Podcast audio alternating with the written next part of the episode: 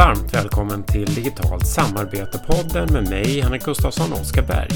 I detta avsnitt fortsätter vi prata om förändringar och vi undrar om det måste kännas som att möta döden varje gång det är dags för förändringar på jobbet. Vi har kollat upp vad förändringsexperterna tycker om de populära förändringsmodellerna och metoderna. Och är det så som Louise Bringselius säger att förändringsmodeller ofta används som härskartekniker? Och slutligen, vad har egentligen Baltasar och Barbapapa med förändring att göra? Återigen, varmt välkommen!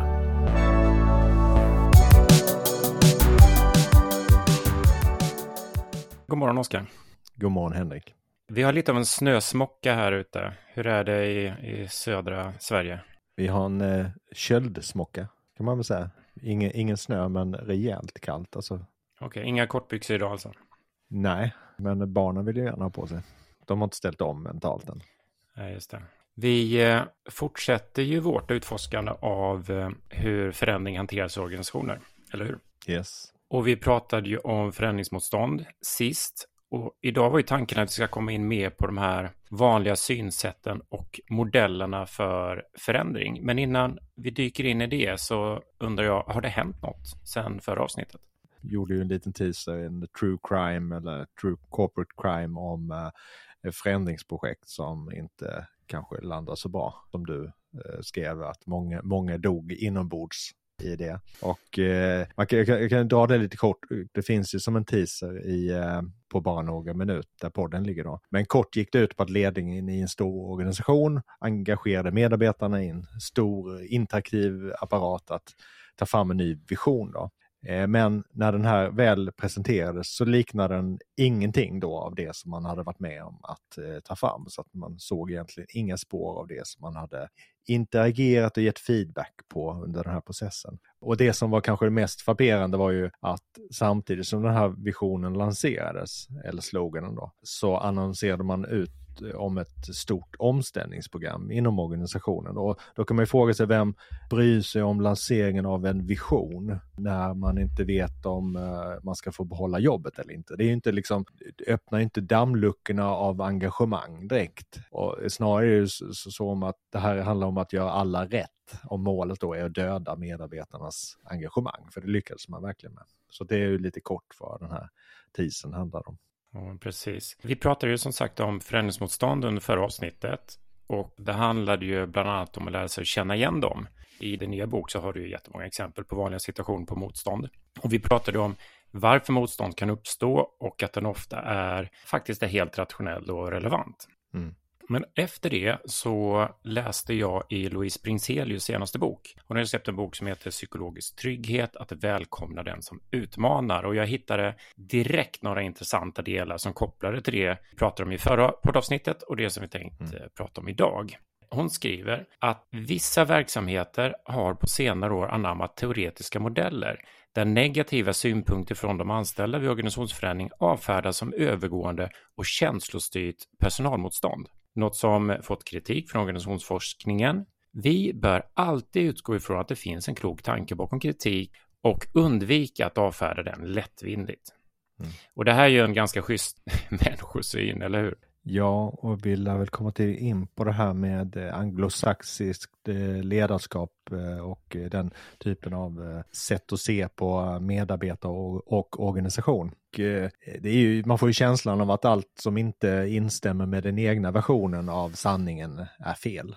Och att man slår ner på det genom att kalla allting annat då för irrationella känsloyttringar. Om man inte bara översätter det till en relation så hade det ju aldrig funkat. Och, och avfärda allting som, att det där är bara du som är upprörd och där eh, finns inget rationellt i det här. Det känns ju verkligen ensidigt. Um. Jag fortsätter med lite mer guldkorn från hennes bok här. Mm.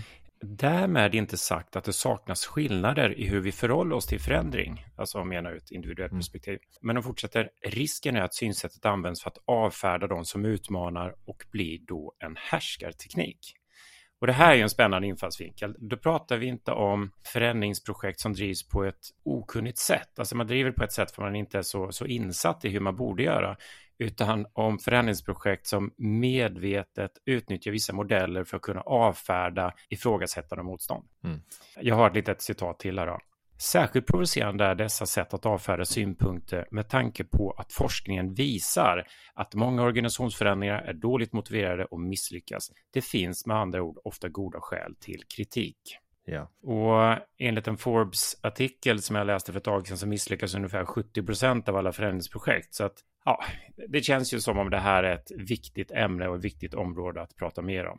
Det kan ju vara så att de misslyckas på grund av allt förändringsmotstånd. Alla, alla irrationella känsloyttringar som lägger eh, hinder i vägen för att de ska lyckas. Eller så kan det vara så att eh, faktiskt att eh, förändringen är fel. Eller Det skulle ju kunna vara så att det här förändringsmotståndet man ser är ett symptom på att någonting är fel i eh, antingen hur, eh, alltså vad det är för förändring men också hur den genomförs. Och, eh, och det var ju det vi pratade om, att, mm, att man behöver identifiera förändringsmotstånd och liksom förstå liksom på ett respektfullt och seriöst sätt och inte bara avfärda den som känslomässig eller irrationell, utan man måste skapa på ytan och se vad som finns under.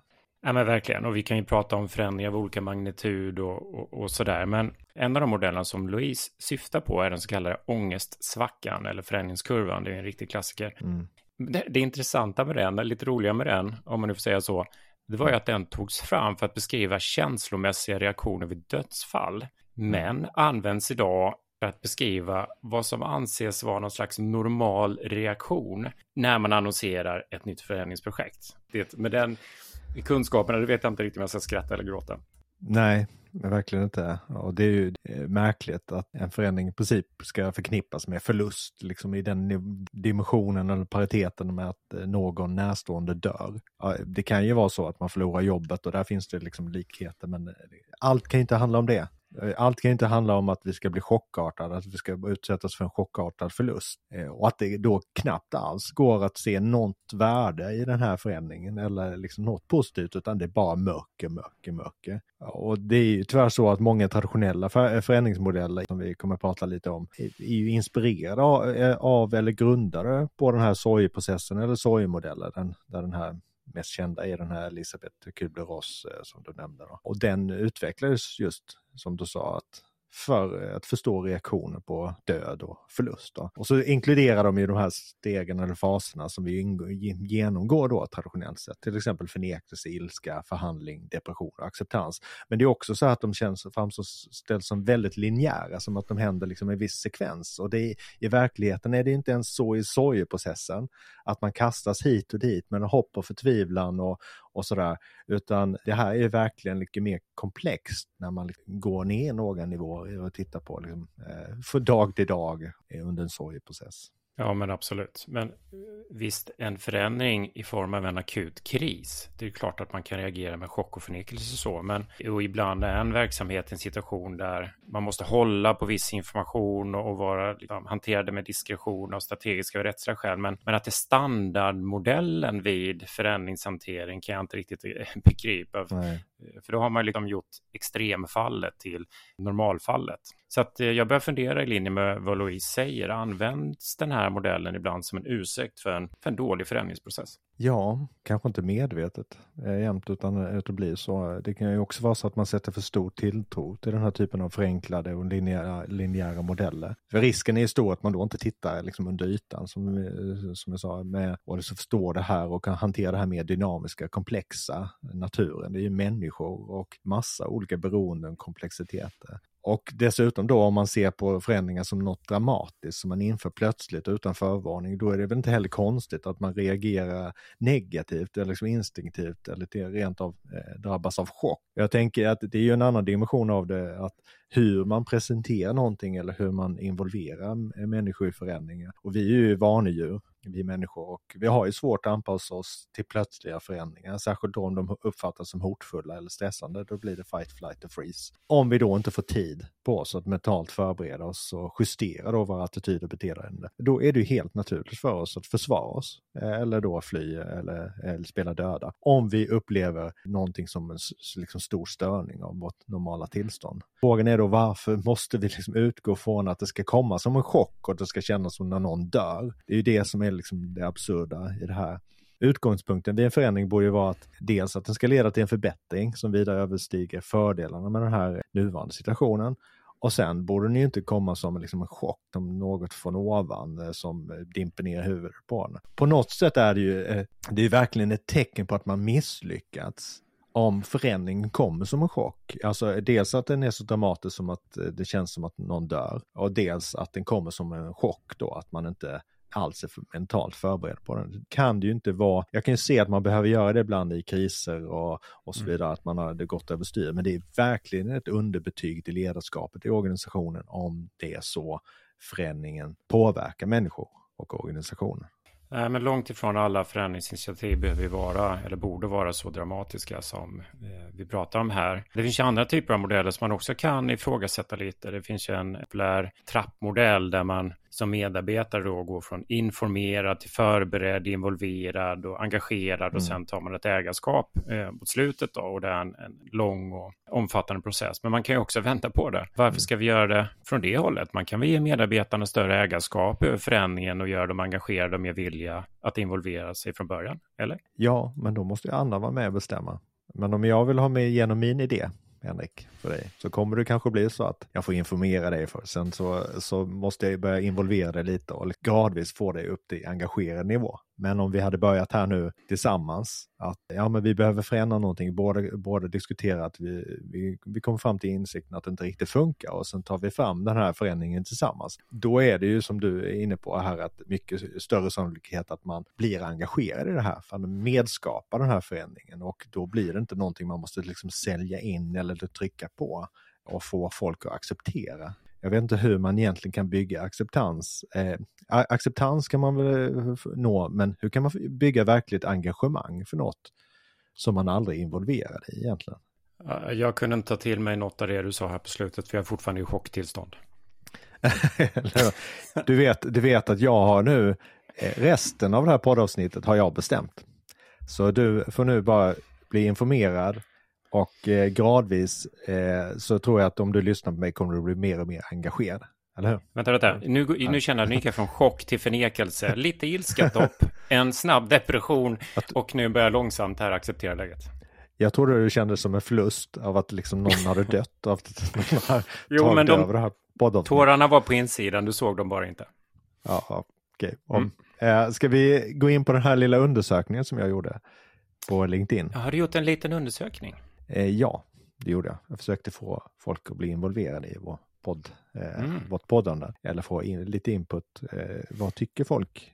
Nu pratar vi om då personer i eh, ens nätverk och sådana som följer eller råkar se saker på LinkedIn. Så att det är kanske inte folk i gemen utan den lilla skaran. Och då eh, gjorde jag en undersökning på LinkedIn som sagt eh, om vad folk tycker om förändringsmodeller som Adka, Kotter och så vidare, åttastegsmodellen. Och då tog jag hjälp av ChatGPT eh, och de två argumenten för eh, är då dels att de ger en strukturerad process att följa och dels kan förbättra kommunikationen i förändringsarbetet. Och de två argumenten mot är att eh, de tenderar att översimplifiera förändring och är för rigida. Så det här är vanliga åsikter om förändringsmodeller, förändringsmetoder det var i alla fall absolut flest som, som svarade på att de ger en strukturerad process och eh, nästan lika många som svarade att de översimplifierar förändring. Och om man ska summera svaren i alla fall och så se hur många som fördelar, hur de fördelar sig på fördelar eller och respektive nackdelar för och emot så blev det ungefär lika. Och det tycker jag signalerar någonting. Att det, det, det är både positivt men det är lika mycket negativt kring det här och det säger att det finns någonting att gräva i. Ja, men det är intressant och jag antar att man bara kunde välja ett alternativ. Ja. För jag tänker mig att de här modellerna kan både bidra med struktur och en översimplifiering vid, vid förändring. Men, men fick du in några kommentarer om hur eh, de svarande tänkte här? Jag fick några kommentarer. Som du säger så är det ju så här att eh, alla de här kan ju vara rätt eh, i någon mening. Men eh, man säger så, men vi har ju positiva blandade erfarenheter av det här och det finns ju de som är mer positiva och de som är mer negativa. Och jag fick en kommentar från Johan Bok eh, som bland annat är grundare av Heja, Heja Engagemang.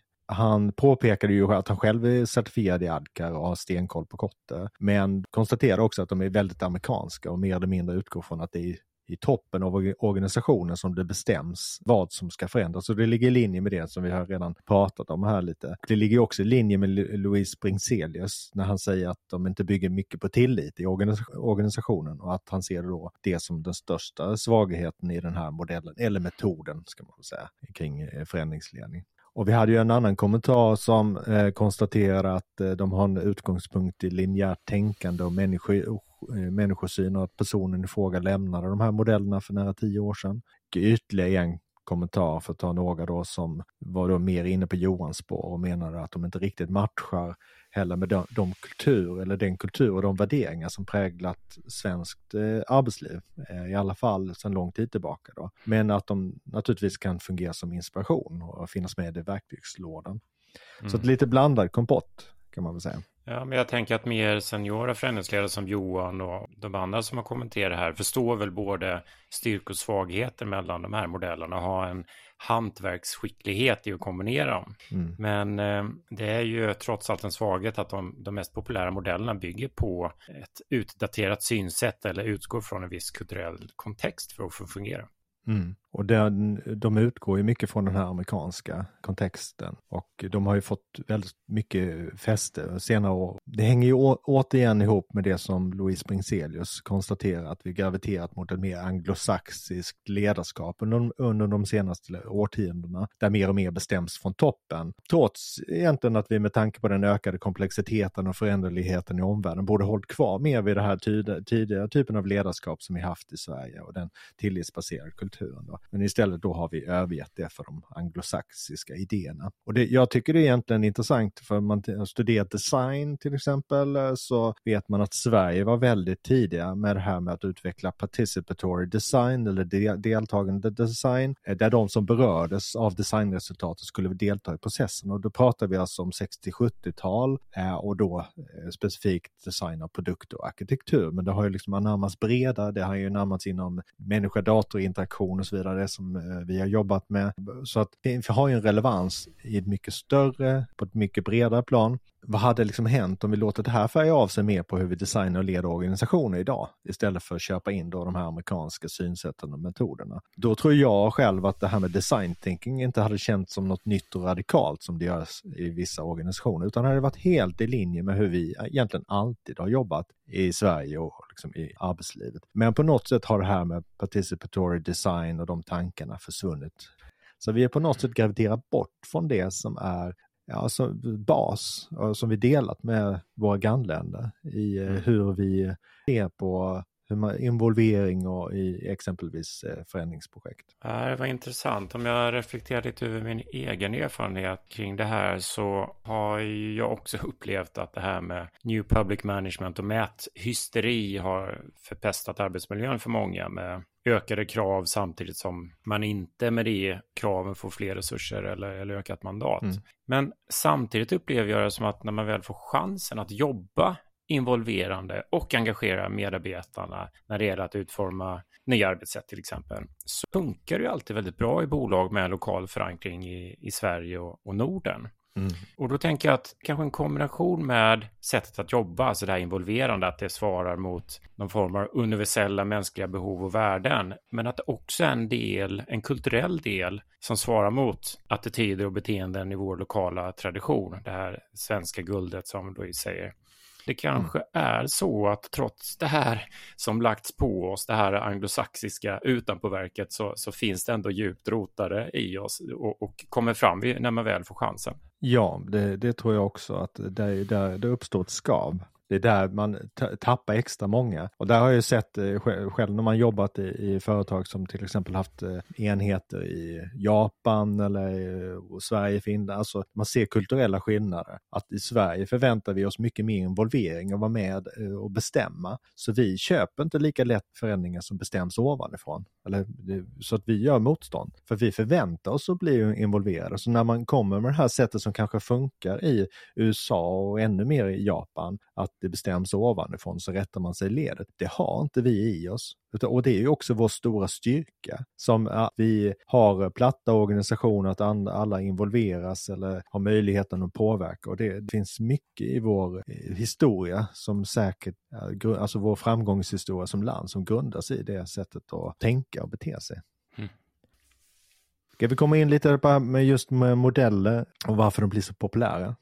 Eh, ja. För det är ju så att de, eh, de verkar verkligen bli populära och med också då som vi är inne på är lite farliga om man inte är erfaren och vet hur man ska hantera dem. För just att de övers tenderar att översimplifiera och få oss att bortse från komplexitet. Tittar vi för mycket på dem, förlitar vi oss för mycket på dem så är ju risken att vi utvecklar en förenklad och endimensionell bild av världen och gör då ödesdigra misstag som gör att förändringsprojekt eh, misslyckas. Samtidigt kan de här vara bra. Du och jag gillar ju modeller, det går inte att säga något emot. Skulle precis säga det. Är vi det en del av problemet? Ja, nej, men vi gillar väl modeller, alltså i plural och eh, förstår att de här är olika sätt att förenkla, förklara en mer komplex värld. Och det går inte bara att ta en modell och tro att den beskriver sanningen eller att den är komplett. Det är ju inte så. modeller är per definition förenklingar. Så det blir då när vi hittar någonting, snubblar över någonting i ett nytt område så det, blir det väldigt lätt att ta oss in i det. Om vi kanske inte har så mycket erfarenhet tidigare från förändringsarbete och så hittar vi en modell och så den uh, makes sense, den, den är lätt att förstå och då kanske man inte tar lika,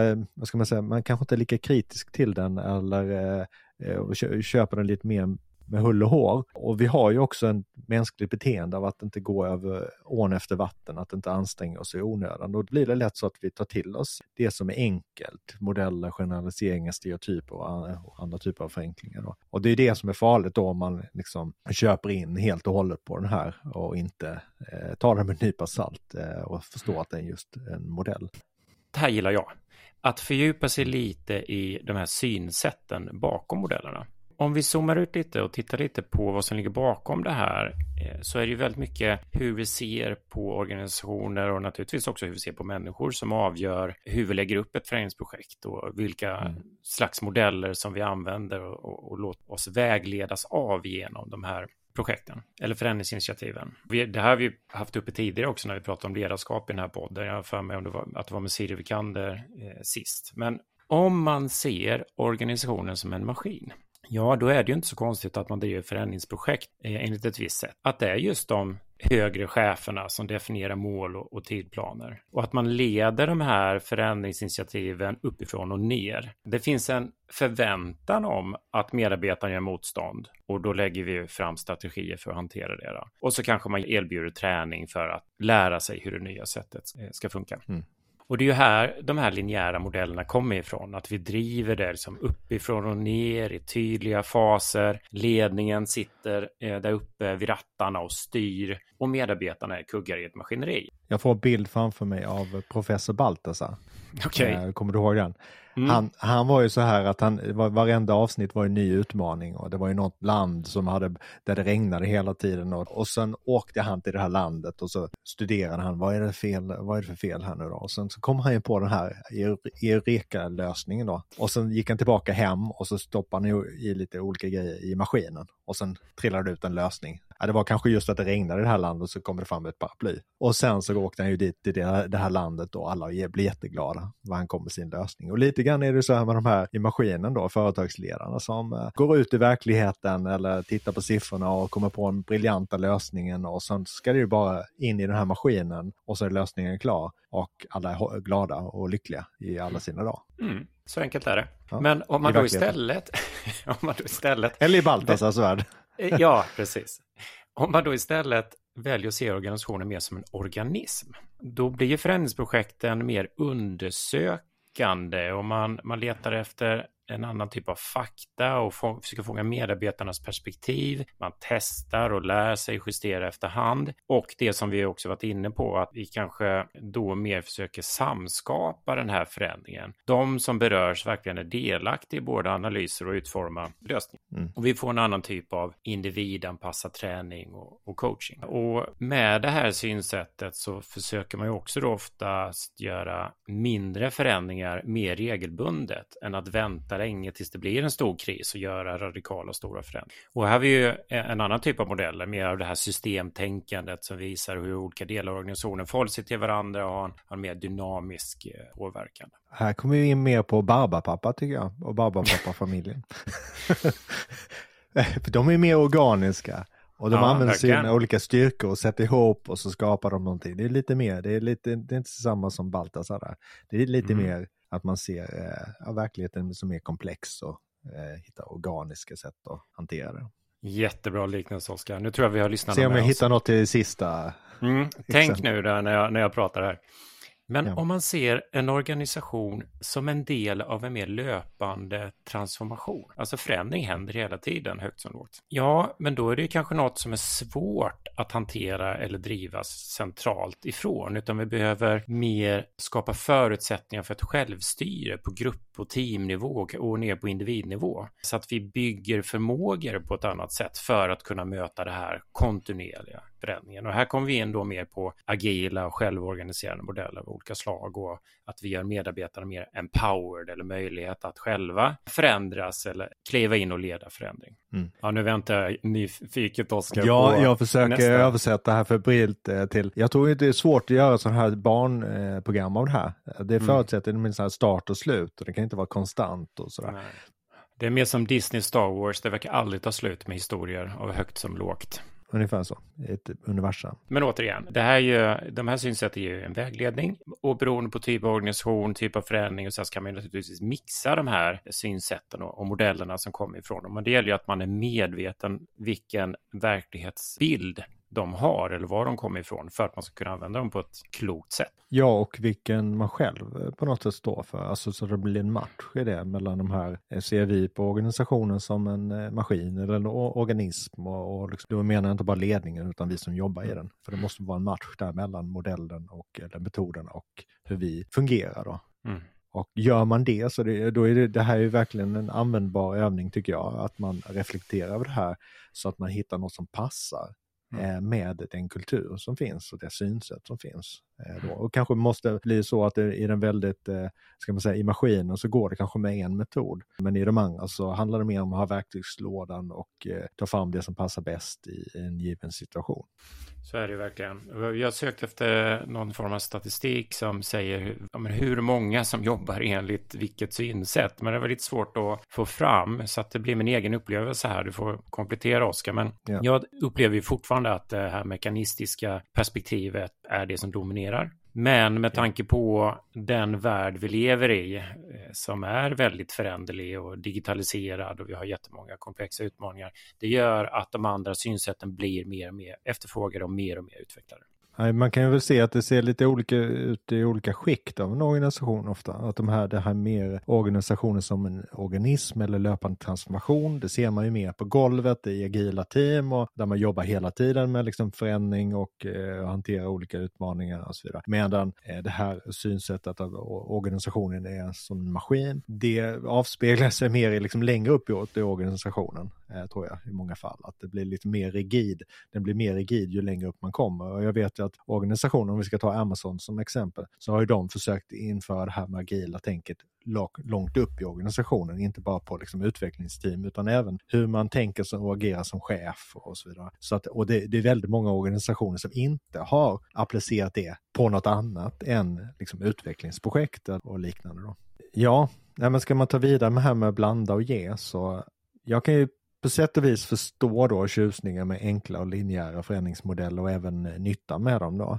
För de kan ju då, alltså modellerna i sig kan ju då förklara komplexa skeenden och företeelser och ge viss vägledning. Det kan ge den här liksom strukturen, den här tydligheten som, som många uppskattar då. Och jag har ju varit inne på det här att jag själv gillar modeller som är enkla och tydliga, men då är det för att de kan användas för att förklara, förklara något komplext och då som vi sagt ofta som en modell av många eh, som gör att man kan liksom förstå något som är komplext tillräckligt för att gräva sig djupare. Jag tänker att det mest rimliga sättet att bedriva ett förändringsarbete i de flesta fall idag, det är att sätta någon sorts tidsmässigt mål när förändringen ska vara genomförd och att man inom de här tidsramarna då jobbar med olika dimensioner av förändringsarbetet, olika områden som är viktiga för att genomföra en förändring. Då. Alltså, allt ifrån till involvering, kommunikation, uppföljning och kontinuerlig möjlig anpassning och, och så vidare. Så man kan se det lite, lite grann som ett mixerbord där man drar i olika reglage och olika mycket beroende på vad man, vad man behöver just nu. Att det är liksom inte ett förinspelade musikstycke utan man mixar och eh, arrangerar efterhand. Ja, och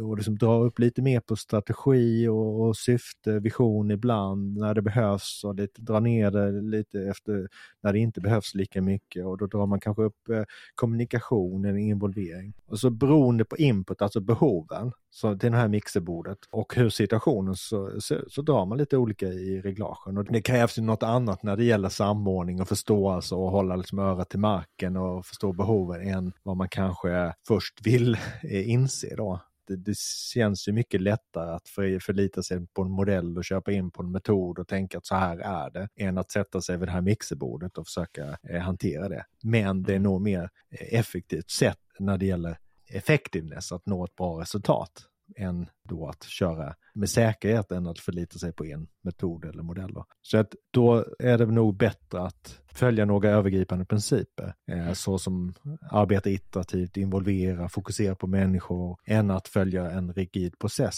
och att istället då ha en verktygslåda där man tar fram de verktyg som ser ut att passa bäst i en given situation. Så att Eh, och där tror jag absolut att vi rör oss i den riktningen. Eh, och att, att det är farligt att vara kvar i den här eh, Eh, tron att en metod, en modell är det vi ska hålla oss till. Bra liknelse tycker jag. Vi kan inte tro att vi, vi kan ta fram vårt dokument med ett musikstycke där alla noter är förspesade och så kör vi det varje gång det är förändringsdags. Utan det, det är den här mixen och anpassningen och, och kanske då delar i organisationen och individer i organisationen som har förmågor att vara delaktiga och jobba för förändringar. Jag tänker att eh, ska vi koppla det här till samarbete? Ja. Det är ju väldigt intressant tycker jag, för att vi har ju tidigare pratat mycket om att vi ofta upplever frånvaron av ledarskap och en väldigt otydligt ansvar när det gäller förändringsprocesser kopplade till just nya samarbeten eller nya samarbetsplattformar eller vi ska göra något kring distansarbete eller, eller utveckla mm. hybridarbetet. Och ärligt talat, hur många plattformsinföranden av Microsoft Office 365 har vi inte sett. Där man i princip bara har slagit på plattformen och skickat med lycka till till organisationen. Mm. Och, vi, och vi såg det också under pandemin där ledningen ofta lämnade till varje team att själv försöka hitta på nya arbetssätt och spelregler. Så att det är inte de här, eh, alltså man kan ju tycka olika om förändringsprojekt kring affärssystem till exempel, om de verkligen drivs på bästa sätt, men de drivs i alla fall. Alltså det, mm. ja, det finns det en uttäckt förändringsprocess med träning och coaching och så vidare. Och det, och det blir nästan lite komiskt med tanke på forskning från bland annat eh, Filip Runsten och Andreas Wär på Handelshögskolan. De fokuserar mycket på samarbete. Och där de konstaterar att om man bara börjar prata om hur man samarbetar på ett mer systematiskt sätt så ökar prestationen med 20-25 procent. Och de lyfter också fram att i moderna organisationer, alltså framgången där beror till stor del på medarbetarnas samarbetsförmåga. Och de säger också att det finns en betydande outnyttjad källa av kreativitet, effektivitet och välbefinnande. Så att det här med samarbete är ju så otroligt centralt och viktigt för oss, men vi lämnar det därhän när det gäller eh, förändringsprojekt också. Ja, och jag har en teori där och det är ju att de här modellerna funkar inte där. Det är uppenbart. Alltså eh, de, de, här anglosaxiska rigida eh, modellerna och metoderna i ledning, styrning och utveckling av verksamheter som vi tagit till oss, de funkar ju hyfsat, eller de kanske inte funkar jättebra på den här typen av projekt som du nämner med affärssystemprojekt, men de funkar i alla fall hjälpligt så vi kan driva de här, de här modellerna och metoderna. Och då har de blivit de facto standarder för all typ av förändring alla förändringsprojekt. Så vi försöker liksom applicera de här på allting. Och går det inte, som till exempel det du nämnde här med samarbete. Det passar inte på något som är så svårfångat, komplext och oförutsägbart. Alltså du har inte det här partituret. Du har det inte färdigskrivna verket. Du vet inte riktigt var du ska landa för någonstans. Utan här är emergent, alltså det växer fram. Och då har man inte en modell för det. Och eftersom man inte har en modell för det så lämnar man det vind för våg. Då lägger man verktygen i knäna på människorna och ja, nu får ni, om ni nu vill vara involverade så får ni väl bli involverade då och göra det här själva. Och det är ju lite ironiskt eftersom, som du säger, hur viktigt samarbete är. Och, det, och naturligtvis behövs det hjälp och stöttning i förändringsarbetet, men bara inte på det sätt som vi då har lärt oss att angripa eller stötta förändring då med de här förenklade, eh, väl strukturerade linjära metoderna. Som vanligt Oskar, jag tycker du summerade bra. Ska vi säga att det här får räcka för idag när det gäller att prata förändring? Vi har ju kommande avsnitt med eh, förändringsförmågor, vad det är och vi ska fördjupa oss i eh, vad det kan innebära. Och ja. Eh, även hur vi kan designa och utforma förändring på lite nya sätt. Ja men det tycker jag. Vi hann ju med en hel del idag om både barnprogram och eh, musik och ja, eh, lite sånt. Och död och sorg. Så ja, allt högt som lågt allt. som vanligt. Ja. Mm. Kul att prata Tack med dig. Tack för idag. Ja, detsamma. Tack.